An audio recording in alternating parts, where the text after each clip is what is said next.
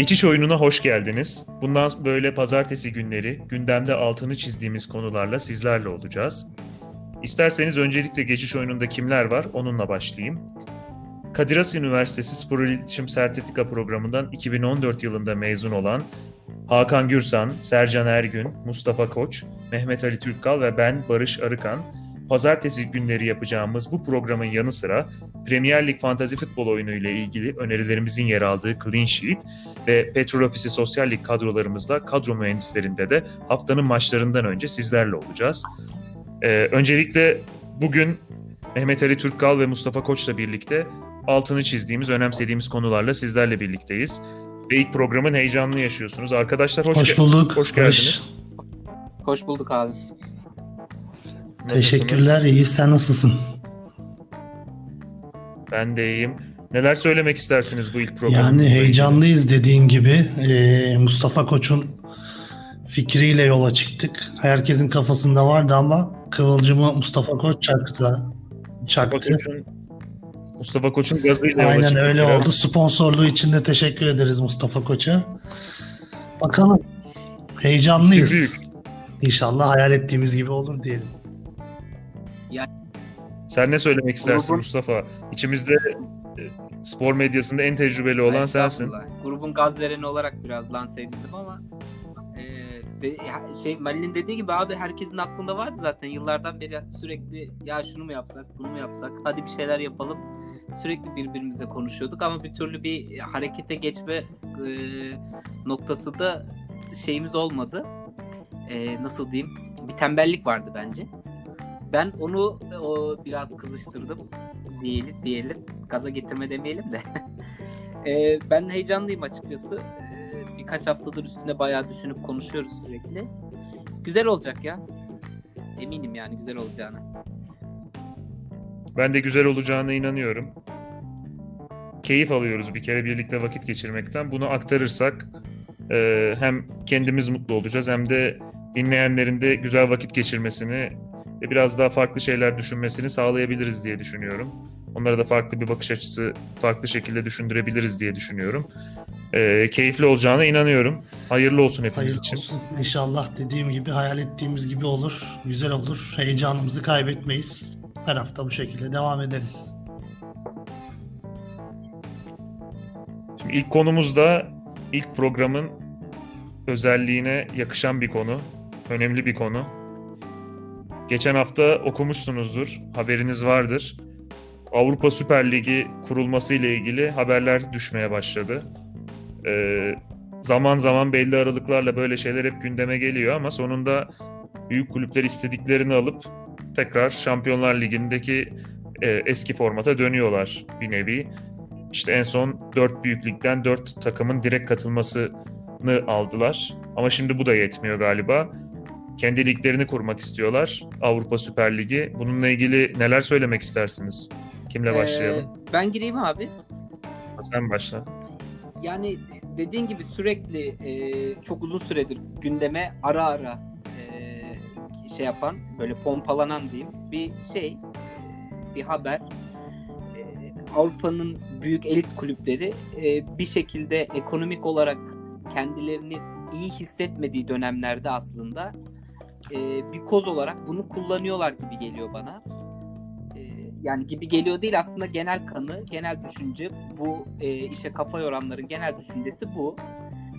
Yani şu an yine e, işte korona salgını nedeniyle futbol derin bir krize girdi her şeyle birlikte bütün sektörler gibi. E, yani kulüpler neredeyse bütün gelirlerinin e, çoğu azaldı, birçoğunu da kaybettiler.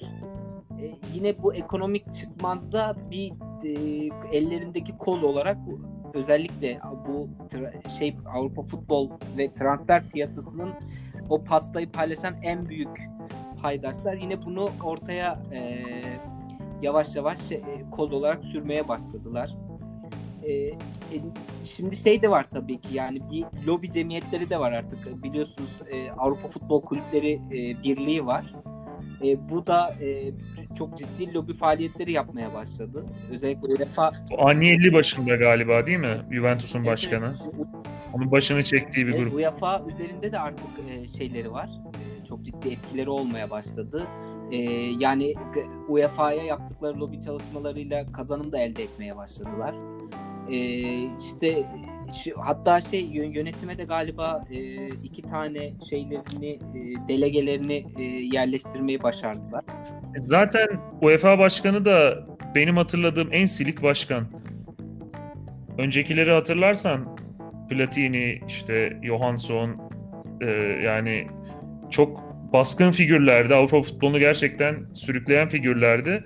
Ama şimdiki yani pek karar alabilen biri gibi değil zaten. Kulüpler Platini ne isterse gibi karar almasın kadar. zaten ya. Boş ver. Platini. Almasın da Platini baskın bir figürdü. Yani iyi yaptığı az sayıda şeyden biri mesela şunu hatırlıyorum. Şampiyonlar Ligi diyoruz. Şampiyon takımlar katılmıyor. E, bu şampiyonlar yolunu o yapmıştı. Her yıl dört tane takımı o büyük pastadan parça almasını sağlamıştı. Mesela Bate Borisov, eminim Borisov taraftarları Platini'yi çok seviyorlardır.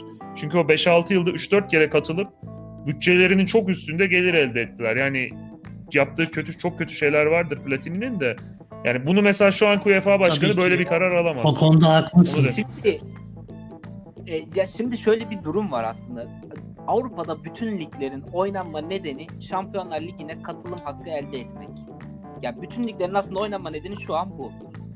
Ee, şimdi takımların ellerinden böyle bir şeyi almak ya da bu ellerindeki bu şeyi değersiz hale getirmek e, bu büyük e, elit kulüplerin e, daha canavarca bir şey istedikleri için gitmesi e, bir kere e, yani hiç adil değil zaten. Yani onu zaten biliyoruz. İkincisi sürekli bahsettiğimiz e, yıllardan beri futbolun ruhu ölüyor, ölüyor, ölüyoru e, bir şekilde tekrar bizim e, önümüze getiren de bir durum.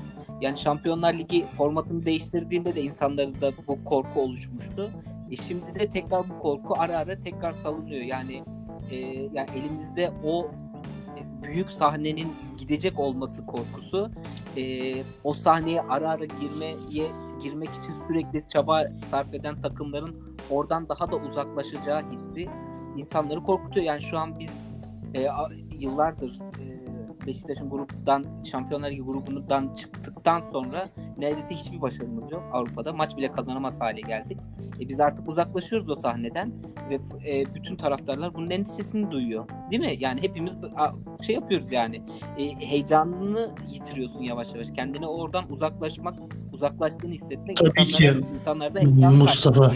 Şöyle diyeyim ben de yani Türkiye Ligi'nde şampiyon olmanın hiçbir anlamı kalmaz o zaman dediğin gibi ya da Ukrayna Ligi'nde ya da İsviçre Ligi'nde belki İsviçre'den maddi durumuna göre takım almayabilirler ama yani buradaki şampiyonlukların hiçbir öneminin kalmaması da dünyada bu büyük ligler dışındaki futbola ilgiyi tamamen ortadan kaldırır. Eğer böyle bir karar alınırsa ki böyle bir karar alacağını düşünmüyorum. Telegraf'ın haberine göre bu karar isteyen Avrupalılar değil aslında Amerikalılarmış galiba. Stephen Ross bu fikri öne atmış. Zaten bu şampiyonlar turnuvası falan yapılıyor işte Amerika'da, Çin'de, Uzak Doğu'da. Buna benzer bir fikirleri var galiba. Yine bu takımları bir araya getirip işte Uzak Doğu'da, Çin'de, Amerika gibi ülkelerde oynatmak biraz ütopik geliyor. Çok sık dile getirilmeye başladı. Dediğin gibi pandeminin ekonomiler üzerinde yarattığı olumsuz etkilerin de bunda katkısı olabilir. Kulüplerin ciddi anlamda gelir kaynakları zarar görmüş durumda.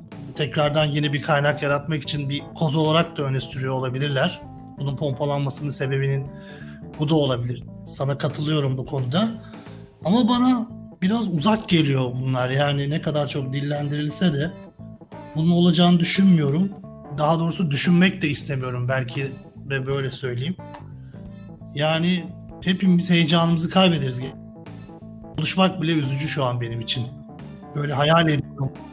Ben şunu hayal ediyorum. Yani o olabilirse nasıl olur diye. Hiçbir anlamı olmuyor. Yani Fenerbahçe, Galatasaray, Beşiktaş, Trabzon maçlarının hiçbir anlamı olmaz ki benim için. Yani sonuç itibariyle hepsinde biz o Şampiyonlar Ligi müziğini duymak istiyoruz. Oraya gittiğimizde o müzikle heyecanlanmak istiyoruz yani. Mali şunu söyleyeyim ben. Ben de şunu söylemek istiyorum bu konuyla ilgili. Ee, bunu her sporda gündeme gelen bir konu. Mesela şöyle olmuştu. Bernie Eccleston var, form, vardı Formula 1'in başında. küçükken ta- çok heyecanla takip ediyordum. 2001-2002 yılında bu Concord Anlaşması imzalıyorlar belli aralıklarla. İşte Bernie Eccleston daha sert duruyor. Takımların istekleri oluyor. Hemen şöyle bir şey çıkmıştı. 2008 yılından itibaren Grand Prix World Championship diye bir şeye başlayacağız biz. Çünkü isteklerimizi alamıyoruz dediler. İşte öyle bir blöf attılar. Eccleston biraz geldi. Onlar biraz ge- gitti. Bir şekilde anlaştılar. Bunun kötü örneğini vereyim. Kötü örneği de Avrupa'daki takımlar bazındaki en büyük ikinci spor evet. basketbol. Orada yapılmışı var. Şu an Avrupa basketbolu 20 yıl öncesine göre yani ULEB'i kurdu Barcelona ve Real Madrid'in önünü e, önde e, yer alarak e, ULEB'i kurdular. Ve Avrupa basketbolu işte FIBA ile biz anlaşamıyoruz. FIBA iyi yönetemiyor. Biz yöneteceğiz. Pastayı büyüteceğiz falan dediler. Şu an Avrupa basketbolunun geldiği nokta yerel ligler öldü. Türkiye mesela Galatasaray ve Beşiktaş'ın şu an basketbol takımının olmasının sebebi yani kapatmamış olmak için. Maliyeti kadar e, harcıyorlar hemen hemen. İşte futboldan biraz aktarıp 1-2 milyon euro takımla işte mücadele ediyorlar ligde. Ki çok anlıyorum Galatasaray'ın veya Beşiktaş'ın Türkiye Ligi'ni kazanmasının hiçbir anlamı yok. Ertesi sene yine aynı Avrupa Kupası'na katılacak. Yine o zirve organizasyona katılamayacak. Ha katılırsa da bir gelir elde etmiyor. Euroleague şampiyonu ya da Euroleague'de en başarılı olan takımlar ya sahipleri ya da işte Real Madrid Futbol Kulübü'nden aktarıyor büyük ihtimalle. 20-30 milyon euro eksi yazmayı göze alıyorlar. Harcıyorlar, kazanıyorlar. Fenerbahçe için de aynısı geçerli. Müthiş prestij, bir salonu var. Tamamen prestij. Prestij evet yani kolay yoldan Avrupa şampiyon olmuş oluyorlar. E, bunu sağlamış oluyor. Zaten e, Avrupa Kulüpler Birliği'nde de bu konuda bir birlik yok tırnak içinde. E, Real Madrid ve Barcelona'nın bunu istediği söyleniyor. E, Guardiola geçen gün konuştu. O birazcık daha çekimser davrandı ki Manchester City'nin görüşünü yansıttığını söyleyebiliriz. O yerel liglerdeki yükün biraz daha azalması gerektiğini, İngiliz futbolu çok yoğun. Geçen sene Kulüpler Dünya Şampiyonası'na gittiği zaman e, Liverpool, onu da oynadığı zaman Lig Kupası maçını oynayacak bir fikstür ayarlayamadılar, çakıştı. E, o yoğunluğun azalması gerektiğini söylüyor. Bayern Münih'te Almanlar bu konuda biraz daha muhafazakarlar kesinlikle topyekün karşı aslında. Yani bunu desteklemiyor.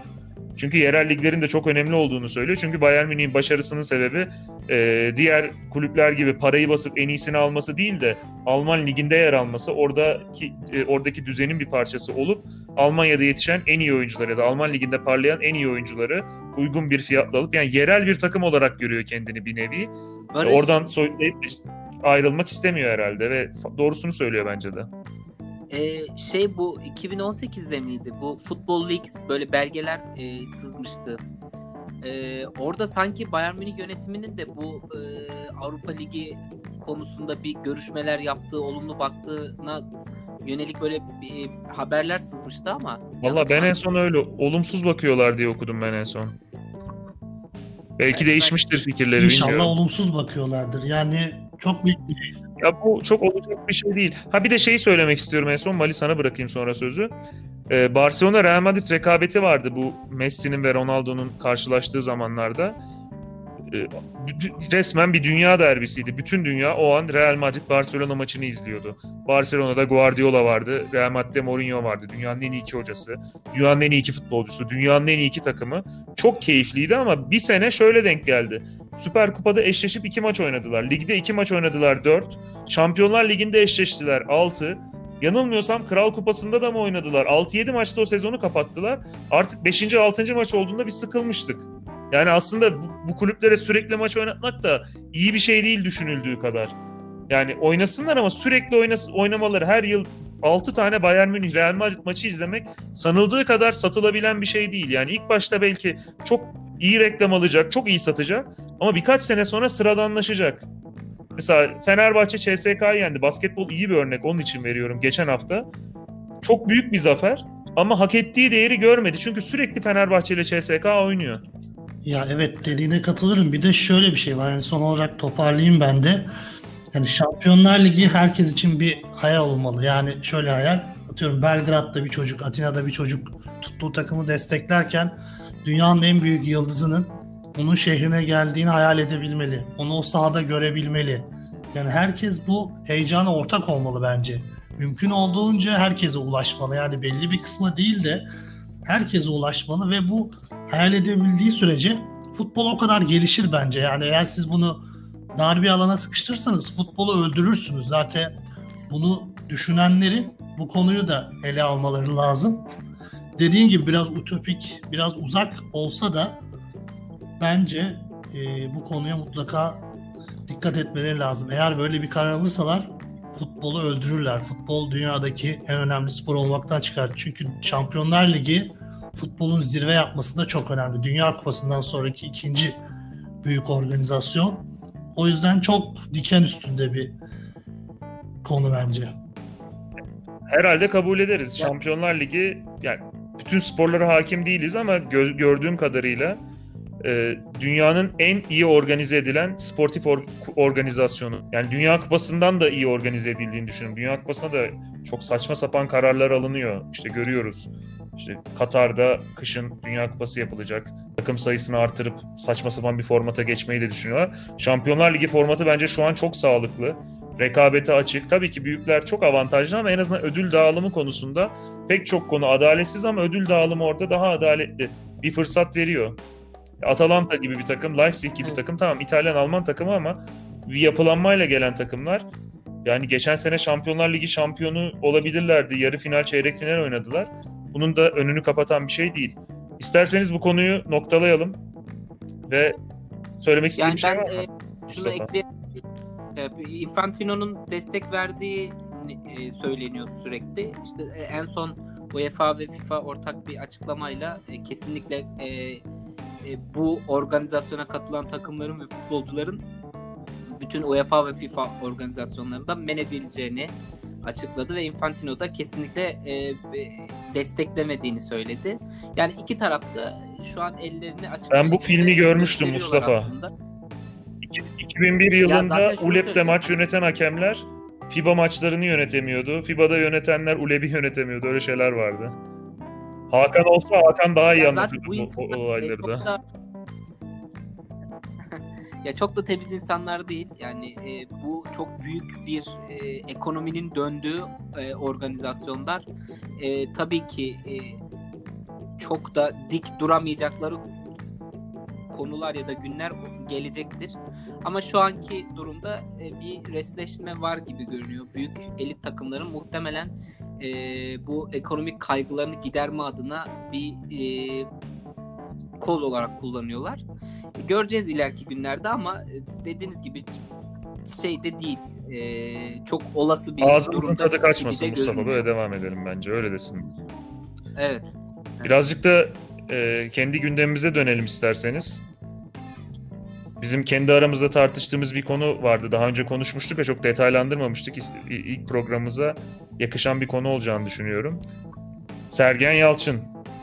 Benim ligde gördüğüm en üst düzey teknik direktör performanslarından birini gösteriyor bu sene.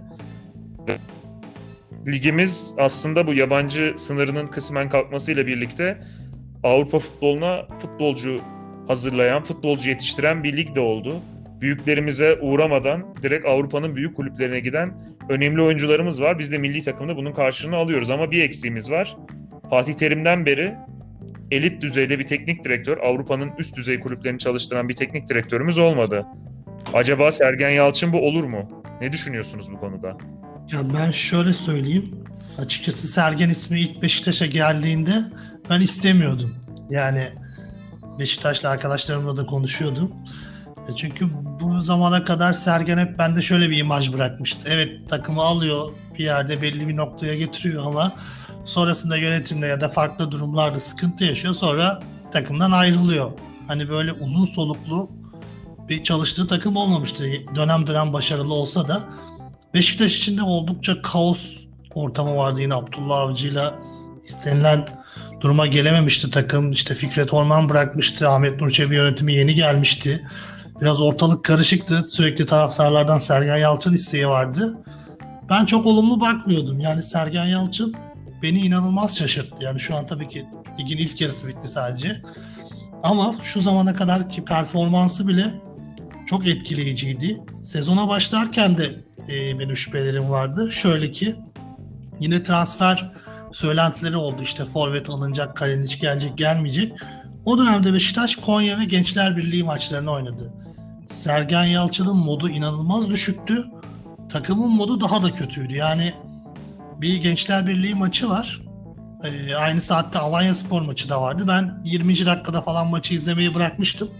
Alanya Spor maçına geçmiştim. Yani bilmiyorum bu zamana kadar maç izliyorum. Hani Beşiktaş'ın böyle hiçbir şey yapmadığı yani bir oyun kötülüğü değildi. Farklı bir durum vardı takımın üzerinde. Bunu ben Sergen Yalçın'a yoruyordum. Hani kendisi inancını kaybetmiş. Takıma da bu yansımış diye düşünüyordum. E, açıkçası çok da bir şey olmaz diyordum bu takımda. Bir de transfer gelecek, gidecek, kim gelecek? İşte Larin solda oynuyor şu anda. Son gün gelenler Gezzal Rozier'ler. İnanılmaz bir seviyeye atladı şu an için. Gerçekten takdir etmek lazım. Yani ben yanıldım. Bunu kabul ediyorum. Mustafa sen ne diyorsun bu konuda? Ee, diğer yanılan da benim. Ee, yani sen zaten söyledin hani başta Sergen Yalçın ismi gündeme geldiğinde e, pek başarılı sonuçlanmayacağını düşünenlerden biri de bendim. E, hatta e, şeydi e, Sergen geldi bir müddet sonra salgın başladı lige ara verildi. E, şey olmuştu. E, Beşiktaş Instagram hesabı işte heyecanı canlı tutmak için sürekli canlı yayınlar yapılıyordu. Bir gün işte Sergen'le yapılan canlı yayında e, yanlış hatırlamıyorsam Beşiktaş Instagram hesabıydı. Bir soru soruldu işte. Hani futbolcular da e, futbolculara da bir program verilmiştir herhalde. Lig başlayınca hazır olarak döneceklerdir, çalışıyorlardır herhalde falan diye Sergen'e soruldu. Sergen dedi vallahi ne yapıyorlar bilmiyorum dedi. Yani e, ben bunu duyduktan sonra özellikle dedim ki yani e, hani bir şekilde sezon bitecek ve önümüzdeki sezonda e, Sergen başlayıp ya da başlayamayıp e, Beşiktaş e, kötü olarak başladığı bir sezondan sonra ardarda arda zaten kötü gider hep. Beşiktaş'ın şeyidir. E, geleneğidir. E, bir tepe taklak gitmeye başladı mı e, toparlaması çok uzun yıllar alır. E, o sürece devam edeceğini düşündüm açıkçası. Ama Sergen salgından döndükten sonra e, ki öncesinde de fena değildi. Toparlamıştı Abdullah Avcı'dan sonra ama e, yani ligi özellikle Beşiktaş, Fenerbahçe ve Galatasaray'ın önünde bitireceğini ben hiç düşünmemiştim. Hayal bile et, etmezdim. Lig üçüncü olarak bitirildi ve üçüncü olarak bitiren takımın da e, neredeyse yüzde yüz kesin değil Şampiyonlar Ligi önelemesi oyn- oynaması e, şansı vardı. E, yani Beşiktaş e, mali olarak birazcık daha iyi bir durumda olabilseydi ve planlamasını Şampiyonlar Ligi önelemesini e, geçebilecek seviyede yapabilseydi e, şu an biz Beşiktaş'ı e, grup aşamasında görüyor olacaktık belki de. E, o yani iş birden buraya geldi. E sonra... Ama o zaman da Mustafa belki bu durumda olmayacaktı takım. Yani Başakşehir ve Sivas Avrupa'da gruplara kaldı. Şu an ne durumdalar? Belki de öyle olacaktı. Hayırlı da oldu diye. E, tabii ki. Yani şimdi bir sürü artıları ve eksileri var durumun. Hani hepsini e, bir iki karşılıklı keseye koyup tartmak gerekiyor. O da farklı bir tecrübe olabilirdi. E, Şampiyonlar Ligi tecrübesi de bambaşka bir e, şeye getirebilirdi takımı. E, bilemiyoruz. Yani e, çünkü Beşiktaş şöyle bir şeye dönüştü abi e, bireysel performanslar yükseldikçe takım performansı e, artmaya başladı. O tekrar e, futbolcuları besleyip e, tekrar bireysel performansları arttıran bir döngüye ge- geldi. Yani değişik bir durum var şu an bence Beşiktaş'ta. E, sadece planlamanın tamamen e, tabii ki bunda e, mali kaynakların yetersiz oluşu e, çok büyük bir rol oynuyor. Yapılamamıştı, yapılmamıştı veyahut da zaten transferler de özellikle Gezal ve Royzer transferleri de son e, son günlerde yapıldı çok planlı olduğu da söylenemez tabii, tabii. yani biraz. Yani lige hazırlık bile, lige hazırlık dönemi bile çok planlı değildi. Zaten Sergen bu konudaki düşüncelerini de çok net söylemişti. Yani yönetimle olan o dönemki karşılıklı şeyler, açıklamalar açıkçası benim işte ya bu iş olmayacak, olmamaya doğru gidiyorum şeyimi de düşüncemi de destekliyordu yani. Çünkü e, bir ara işte e, bir maç sonrası işte Sergen'in serzenişi e, işte bu takımı ben yapmadım ya da işte istediklerim olmuyor, transfer yapılmıyor. Gençler Birliği ve Konya maçlarıydı galiba yanlış hatırlamıyorum. Herhalde. E, sonra başkanın Instagram'dan her şey işte yapılacaktır bilmem ne açıklaması falan böyle bir değişik bir durum vardı yani. E, e, Trabzonspor galibiyetiyle lige başlandı. Müthiş bir başlangıç ama sonrasında sallantıyla giden birkaç hafta oldu falan. Ama ondan sonra ee, bir, ha, bir de şunu da eklemek istiyorum. Benim endişelerimden bir tanesi de Çağdaş'ın e, teknik ekipten ayrılmasıydı aslında Çağdaş Atan'ın. Yani Alanya'ya gittikten sonra o onun yerini dolduracak bir isimle de e, anlaşılmadı. Yani Sergen istemedi muhtemelen başka bir insanı, başka bir e, hocayı. E, aynı kalan ekiple devam etmeye başladı. Bu da beni endişelendiriyordu. Çünkü Çağdaş'ın ben e, katkısının büyük olduğunu, teknik ekipte katkısının büyük olduğunu düşünüyorum. Kesinlikle bir katkısı olduğunu ee, düşünmüyorum. Gerçekten. Evet. Alanya Spor'da da görüyoruz bunu. Barış ee, Alanya Spor konusundaki bilgileri yüksek. Muhtemelen oradan bir e, tüyo almıştır. Tüyo almama gerek yok. Ya ben Neyse böyle bence şöyle şey ben de biraz bir şeyler söyleyeceğim o konuda. Ben, ya bence şöyle Sergen e, ekip çalışmasını ya da ekibini çok iyi yönetebilen bir insan. Bir kere buna ben artık ikna İnsan oldum. ilişkisi çok kuvvetli. Ee, İkna kabiliyeti çok yüksek. Çünkü Sergen gece gündüz futbolla yatıp kalkan bir insan kesinlikle değil bence. Yani zaten e, futbolculuk hayatını biliyoruz. Bunu her zaman kendisi söyledi yani şaşırtıcı evet, yani değil. futbolu çok seven, oynamayı, e, içinde olmayı, o ihtişamı çok seven birisi. Bununla da beslenen birisi. Ama bütün hayat hayatın e, orta noktasında, odak noktasında da futbol olan bir insan değil. Hala da değil. Kendisinin bile kaç kere açıklaması vardı teknik direktörlük yapmayı düşünmüyorum evet, diye. Evet o yüzden yani e, ekip çalışmasına e, ve ekibi yönetmesin e, becerisi yüksek olan bir insan. O yüzden Çağdaş'ın gitmesinin eksiklik yaratacağını düşünmüştüm. Ancak geri kalan ekibiyle birlikte de müthiş iş yapabileceğini gösterdi. Bu birincisi artısı. İkinci artısı futbolcularla bu, bunu Türkiye'de başarabilen 2-3 teknik direktör var. Bir tanesi kesinlikle Şenol Güneş. Diğeri kısmen Fatih Terim. E, yöntemleri farklı olsa da üçüncüsü de Sergen Yalçın. Ben değil. Fatih Terim de e, yani. Bence öyle. Muhakkak ama yöntemler farklı diyeyim ben. Neyse Fatih Terim de öyle. E, farklı bir açıdan baktığım için ben Fatih Terim'i öyle söyledim. E, diğeri de Sergen Yalçın'mış. Ya ben her zaman sizinle konuşmalarımızda da söyledim. Bu takımın, e, bu kadronun e, çok çok kötü olduğunu düşünmüyordum. Yani potansiyeli olabileceğini düşünüyordum ama çok iyi bir teknik direktör işçiliği lazımdı bu takıma. O işçiliği de Sergen Yalçın ve ekibi müthiş yaptılar. Yani e, Necip'ten tut e, şu anki e, ligin ilk yarısını tamamladık. Son iki maçta Gökhan Töre ve Adem Laiç'e kadar herkes e, vasatının çok çok üzerine çıkmayı başardı bir şekilde. Ve takım uyumuyla da beraber e, ortaya acayip bir takım çıktı. Son 9 maçta sadece bir beraberlik ve 8 galibiyet elde eden 44 puanla e, toplamda 14 galibiyetle ligi ilk yarısını lider bitiren bir takıma dönüştü. Ki e, e, bu kadar yatırım yapmış bir Fenerbahçe varken, geçen sezonu şampiyon tamamlamış Başakşehir varken, e, fe, lige oranla, e, Beşiktaş'a oranla kadrosu daha iyi e, olduğu düşünülen Galatasaray varken onların üzerinde tekrar ligi e, üst sırada bitirmeyi başardı. E, burada Sergen Yalçın'ın ve görüyoruz ki aslında ekibinin tek başına olmadığını ve ekibinin büyük bir şeyi var, payı var e, takdire şayan açıkçası. Çünkü e, kendisi de zaten özel Galatasaray maçından sonraydı yanlış hatırlamıyorsam. İşte perde arkası mıydı? E, kamera arkası diye bütün ekibiyle birlikte fotoğraf paylaştı mesela. Çok büyük bir jest. E, başarıyı paylaşabilmek de büyük bir erdem. Yani o da herkeste olmuyor maalesef. Her liderde olmuyor o özellikte. O da büyük bir e, artısı Sergen'in.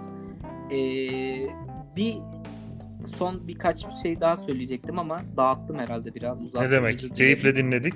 Ben şeyi söylemek istiyorum aslında. Güzel. Bir demin Çağdaş'la ilgili söyleyecektim. Alanya Spor'daki hocaları değerlendirmek bence çok doğru değil. Alanya Spor Süper Lig'e çıktığından beri güzel top oynuyor. Ben düzenli takip ettiğim takımlardan biri. Güzel top oynuyor ve hocaların kim olduğu o kadar önemli olmuyor. Yani işte sayın Mesut Bakkal da, Hikmet Karaman da e, ilk başta çıkan şeydi e, Sakıp Özberk miydi? Ben karıştırıyorum iki hocayı. Ee, Çağdaş Atan, Erol Bulut. e, Sergen Yalçın bu takım hep benzer oyun oynuyor. Hep iyi yabancı transfer ediyor. Yani oradaki nasıl diyeyim toprak verimli. Gelen hoca da rahat çalışıyor ve ben biliyorum da Çağdaş'ın ekibi de çok iyi. İyi çalışan bir ekip var. İyi oyuncu buluyor. Oyuncularla iletişimi iyi. Yani orada çok Çağdaş'la ilgili bir durum yok. Onlarda farklı sıkıntılar var. Çağdaş bugün ipten döndü. Ankara gücüne yenilse ayrılacağını düşünüyorum ben. Ee, onu geçiyorum. Sergen'le ilgili de elindeki malzemeden müthiş verim alan biri. Geçen gün e, Sinan Yılmaz'dan duydum galiba. E, Elneni röportajda söylemiş. Sormuşlar işte Abdullah Avcı ile Sergen Yalçın arasındaki fark ne diye. O da şunu demiş. Abdullah Avcı herkesi mutlu etmeye çalışıyordu. Yani sonuçta bir verim elde edemiyordu. Sergen Yalçın da hepimizle oturuyordu, tartışıyordu. Bir şekilde onları ikna ediyormuş yani. Ve e, dediniz ya hayatını futbola adamış biri değil. Futbolcuların %90'ı, %95'i belki hayatını zaten futbola adamış insanlar değil Türkiye Ligi'nde oynayanlar. Çok azı. Beşiktaş kimi sayabilirsiniz? İşte Atiba'yı dersiniz. İşte yeni altıma çıkmış e, Ersin'le Rıdvan'ı dersiniz belki.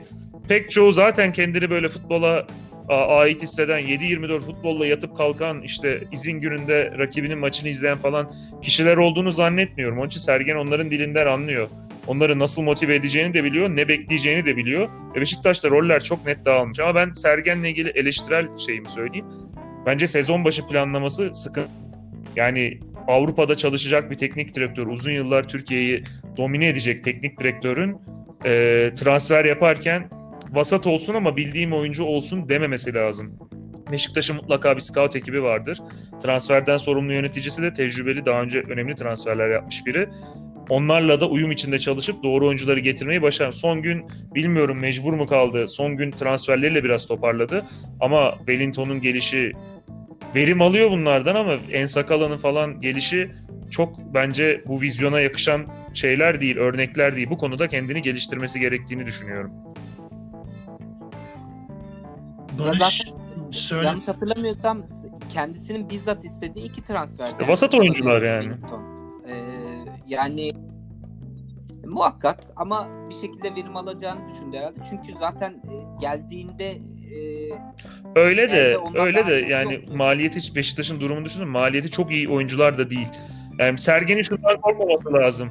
İşte Şöyle bunalımdaki Adem Yayış'ten de evet. işte e, dizi iki yıldır diziden sakat Abu Bakar'dan da gönderilsin denilen Vida'dan, Larin'den de verim alan adam yani birazcık daha scout ekibinin bulduğu potansiyelli e, bir oyuncudan da verim alır. Bu yönü güçlü zaten. Barış, Barış şu konuda şöyle bir şey vardı. Şimdi Şampiyonlar Ligi elemesi maçı hemen 10 gün sonra ortaya çıkınca muhtemelen şunu düşündü. Sen dediklerinde haklılık payın var ama şu açıdan da bakmak lazım. Ya ben 10 günde hazırlanacağım. Bari bildiğim adamı kalmamalıydı o iş. Maliyetimiz yani, de ama sıkışık bir program da. vardı yani pandemi döneminde. Üçüncü olacağımız bile belli. Trabzonspor'un cezası kalkacak mı o belli değil. Gibi bir Belki o maçı Beşiktaş hiç oynamayacak. Gibi bir kulübün ben, son zaten ben, korona dönemi oldu. Beşiktaş'ın teknik direktörüydü. Yaz arası oldu. Beşiktaş kendisinin de izlemesi lazım. Beşiktaş ekibinin de zaten alternatifleri hazır olması lazım. Ha diğer kulüplerimizde de değil de ben hani Sergen'i üst nokta üst seviyeye Avrupa'da e, ülkemizi temsil etmeye e, aday gördüğüm için bu konuda kendini geliştirmesi gerektiğini söylüyorum. Yoksa mazereti vardır tabii ki. Yok ya bence o konuda şey dikkat etmek lazım. Çünkü gerçekten çok kısıtlı bir süre vardı. Aslında Beşiktaş'ın bu turu da oynamaması lazımdı. Çünkü Ren direkt Şampiyonlar Ligi'ne katıldı. Beşiktaş'ın da bir üst turdan başlaması lazımdı. Diğer e, Yok, tur maçları galiba onunla gecikti. Ilgili, onunla ilgili işte, değil ben ona baktım.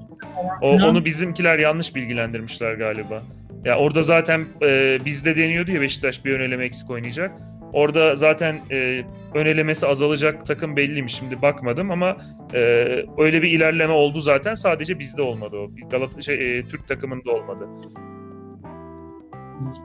Yani orada maçın ne zaman oynanacağı belli değildi. Bir anda çıktı. Sen haklısın. Ee, biraz daha e, geniş tutabilir yelpazeyi ama bunu da bilemiyoruz. Yok tabii ki ben şimdilik söylüyorum. Dönemi görmemiz lazım. Ee, bir de Çünkü... şeyi söyleyeyim. UEFA'nın da bu arada o formatı e, çok şey değil.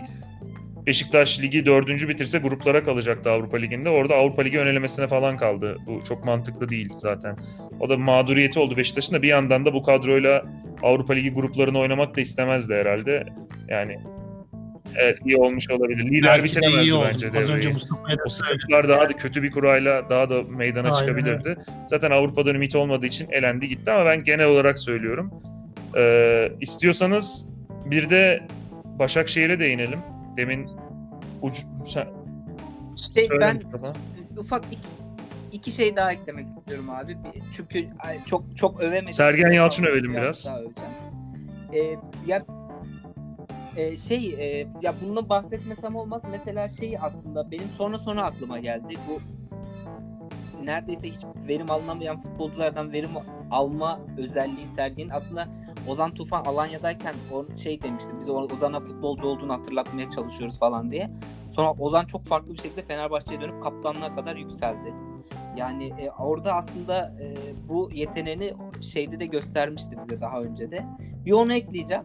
Bir diğeri de bence e, bu çok önemli bir şey. Yani şu anki günümüz futbol yapısında bütün teknik direktörlerin e, sahip olması gerektiğini düşündüğüm bir özellik ki Çağdaş'ın Alanya'da yaşadığı en büyük problemlerinden biri tek bir oyuna saplanıp sürekli onu oynatmaya çalışması. Çok farklı e, oyunlar oynatarak Beşiktaş aslında bu e, lig liderliğini getirdi. E, yani Galatasaray maçı başka bir senaryo ile oynanırken işte bir sonraki kara kara şey e, Kara Gümrük maçı bambaşka bir senaryo ile oynayıp ligin en keyif veren maçlarından biri haline dönüştürdü mesela. Bunlar çok önemli özellikler olduğunu düşünüyorum. Mustafa bir de şöyle bir şey var ben de unutmuştum.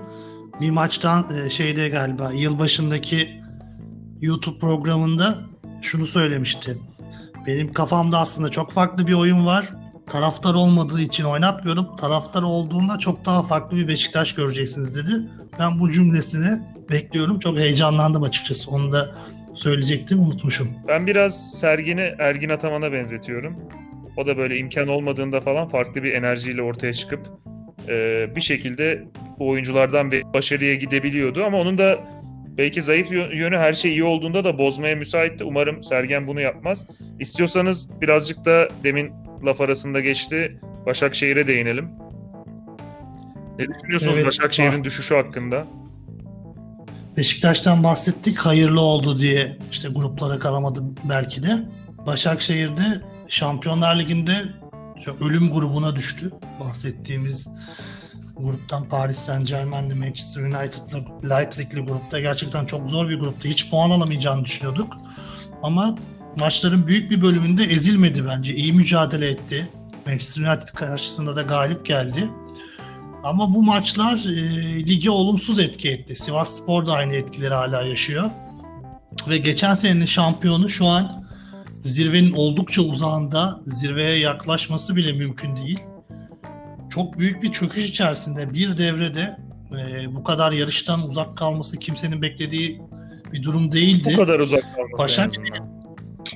Evet çok uzak kaldı yani ciddi bir puan farkı var. Ee, kadro yapılanmasında da ciddi sorunlar var. Bu sene e, yaptıkları transferlerden de verim alamıyorlar. Ee, şu an içinde geçen isimlerde de Başakşehir yani en son Junior Fernandez'i aldı. Şu anki yaptıkları transferler de çok Hala yama değil. peşindeler. Ellerinde Cemali gibi bir yıldız var. Ligden bu kadar uzak kalmışlar. Seninle de konuştuk. Neden hala Cemali oynamıyor ve hatta oynamasını geçtim şu an Konya Spor'a verilmesi falan düşünüyor, düşünülüyormuş. Çok şaşırdım yani bu kadar potansiyelli bir oyuncu. Oynadığı dönemde de iyi performanslar verdi. İzledik hepimiz. Bir de kazanacak Takımdan şey yok. Başakşehir'in şu an. Ne, neyi kazanacak? Türkiye Kupası'na ben olsam önem veririm. İşte Süper Kupa oynayacaklar önemliyse iki gün sonra onu kazanabilirler. Ee, böldüm de e, böldüm söyleyeceğim bir şey varsa ekle istersen. Yok yani yönetimde de bence sorunlar var Başakşehir'in. Yani Cemali örneğini bu yüzden verdim. Ellerindeki değeri de şu an işleyemiyorlar ve başka takıma göndermenin peşindeler. Hepsi üst üste gelince bir de Şampiyonlar Ligi yorgunluğu da eklenince şu an oldukça başarısız durumdalar. E, toparlamaları da kolay olmayacak bence bu sezon. Ben şöyle düşünüyorum Başakşehir'le ilgili. Bu kulüp kurulduğundan beri amacı ligi kazanmaktı. Hatırlıyoruzdur. Avrupa Ligi'ne gitmek önemli bir şey. Ee, büyük takımlar için daha önemli bir şey. Ee, diğer takımlarımız, Anadolu takımlarımız için daha en az onlar kadar önemli bir şey. Av- e, Abdullah Avcı'yı hatırlıyorum Avrupa Ligi'ne ikinci 11 ile çıkıyordu. O kadar lige konsantreler ki amaçları tamamen ligi kazanmakta bu takımın ve geçen sene kazandılar sonunda. Yayıncı kuruluş Barış efendim bir ekleme. Sözünü kestim. Bence bu takımın değil Abdullah Avcı'nın Ama- düşüncesi. Çünkü Beşiktaş'ta da aynı şeyi yaptı. O yüzden Ama takımın da amacı e, öyle de takımın da yani camianın da amacı bu tepki görmüyordu. Başkan çıkıp da ya hocaya baş, hoca biz bu gruptan çıkalım düşmüşüz iyi de bir gruba düşmüşüz demiyordu. Camianın da kabul ettiği bir şeydi. Ama Okan Ben- Buruk tersini yaptı o yüzden. Okan Buruk oldukça başarılıydı. Pandemi olmasaydı belki de Kopenhag'a işte geçecekti. yani tercih camianın önceliği değişmiştir bilmiyorum. İkisini birden idare edebileceklerine inanmışlardır. Benim demek istediğim şu 2010'lu yılların başında yayıncı kuruluşun bir reklamı vardı. Bütün takımların taraftarıyla işte konuşup reklam yapmışlar. Bursa Spor'un şampiyonluğundan 1-2 sene sonraydı sanırım. Bir tane Bursa Spor taraftarı şey diyordu. Şampiyon olduk, kutladık sabaha kadar. Sonra ertesi gün kalktık, ailecek kahvaltı yapıyoruz. Babama dedim, baba şimdi biz ne yapacağız? Yani Başakşehir'in durumu da biraz bu. Ya Başakşehir ne yapacak bundan sonra? Ona karar vermeleri lazımdı. Onlar şey yapmıyor. Ben şunu bekliyordum. Şampiyon da oldular. Ciddi de bir gelir var. Takım da çok yaşlı. Yani tamamen bu amaca yönelik bir takım. Ya belli mevkilere çok kilit transferler yapıp kadroyu büyük ölçüde yenilemeleri, en azından yenilemeye başlamaları lazım. Ama onlar Şampiyonlar Ligi gru- grubuna Epriano Şikertel'le katılmayı tercih ettiler. Çok iyi oynuyor ama Santifor'da Dembaba'ydı takımın oyuncusu. Bu kadar yaşlı bir takımla devam etmeyi kabul ettiler. Ben diyordum devre arası büyük bir fırsat. İşte İrfan Can değerlendi, teklifler var. Ederini bulan herkesi satıp yeniden takım kurmayı düşünürdüm ben. Ama onlar hala ellerinde tutup işte Visca'yı satmadılar, İrfan Can'ı satmadılar yeri geldiğinde. Şimdi hala Junior Fernandez gibi 33 yaşında günü kurtaracak. e, beni yani yama olarak dile e, dile getirebileceğimiz oyuncularla günü kurtarma derdindeler. Hala gerekli şeyi yapmıyorlar. E, ve hedefsiz, amaçsız kalınca da ya bu takımı şampiyon olduktan sonra üçüncülük, dördüncülük hedefiyle hadi bu maçları da kazanalım diye motive etmek zor oluyor demek ki. Olmuyor bir şekilde. Okan'ın da iyi bir sezon geçirdiğini düşünmüyorum. O da formsuz. Onun için bu hale geldiler. Mustafa sen bir şey demek ister misin? Ee, yani sen camia dedin. Ya işte ca- camia, yani. ya şöyle e, Başakşehir Lig'in en antipatik takımı. Bir proje bir proje takımı olması e, çok e, üst üste konularak konularak konularak geçen sezon şampiyonluğa ulaşana Mustafa, kadar bölüyorum. e, Ee, şey Almanların bir tabiri var. Leverkusen, Hoffenheim, e, Leverkusen, Hoffenheim, Leipzig ve Wolfsburg için plastik takım derler. Ülkemizin plastik takımı da e, Başakşehir. En iyi örneği o. Kasımpaşa falan tam öyle değil. Evet. Yine bir şey- kült şeyi var. yani- Tarihi var biraz. Evet. Tabii, ya semt takımı yani tabii ki bir e, ya, şeyi var. E, Başakşehir de sen abi öyle yeri var. ya tabii ki çok farklı desteklerle buralara kadar geldi. E, yani stat açılışına kadar yani her şey e, bir şeyle nasıl diyeyim bir propaganda olarak yürütüldü, devam etti ve sonunda amaca ulaşıldı. Ya bir şekilde bir pazarlama yöntemiydi belki de bu Başakşehir'i. Ama hani şu an tabii ki çok kötü bir zamanda bu amaçlarına ulaştılar. Salgın vardı yani bu bir şekilde pazarlanamadı belki de. Finansal olarak belki farklı düşünceler vardı bu takım üzerinde. Bir de maalesef Türkiye'de hepimiz biliyoruz yani de- desteklediğimiz tuttuğumuz takımların yönetimlerinde de bunu çok çok defalarca gördük. E, bir başarı elde ettikten sonra biz oldukçuluk maalesef e, bizde sistemlerin bozulmasına, işlerin e, kendilerine doğru yontulmasına doğru gidiyor. E, Barış senin bahsettiğin konular birazcık da bununla alakalıdır diye düşünüyorum. E, yani çok fazla aslında Başakşehir hakkında bir şey söylemek de istemiyorum. Durum ortada. Dışında. Durum Yani ortada. e, üstüne bahsetmeye de olmadı. Evet. Kral çıplak. Evet. Ee, eklemek istediğiniz bir şey yoksa ağzınıza sağlık. İlk programımızı burada noktalayalım. Keyifli bir sohbet oldu. Ben sponsorluk desteği için Mustafa Koç'a Evet, teşekkür ediyorum tekrardan. Vallahi vallahi bilmiyorum. Koç grubu Mesut Özil'i getirdi Fenerbahçe'ye.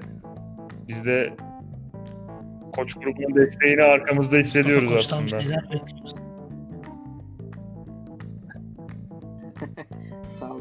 Yani e, va- güzel oldu muhabbet. E, umarım e, sonraki günlerde çok daha iyilerini yapar.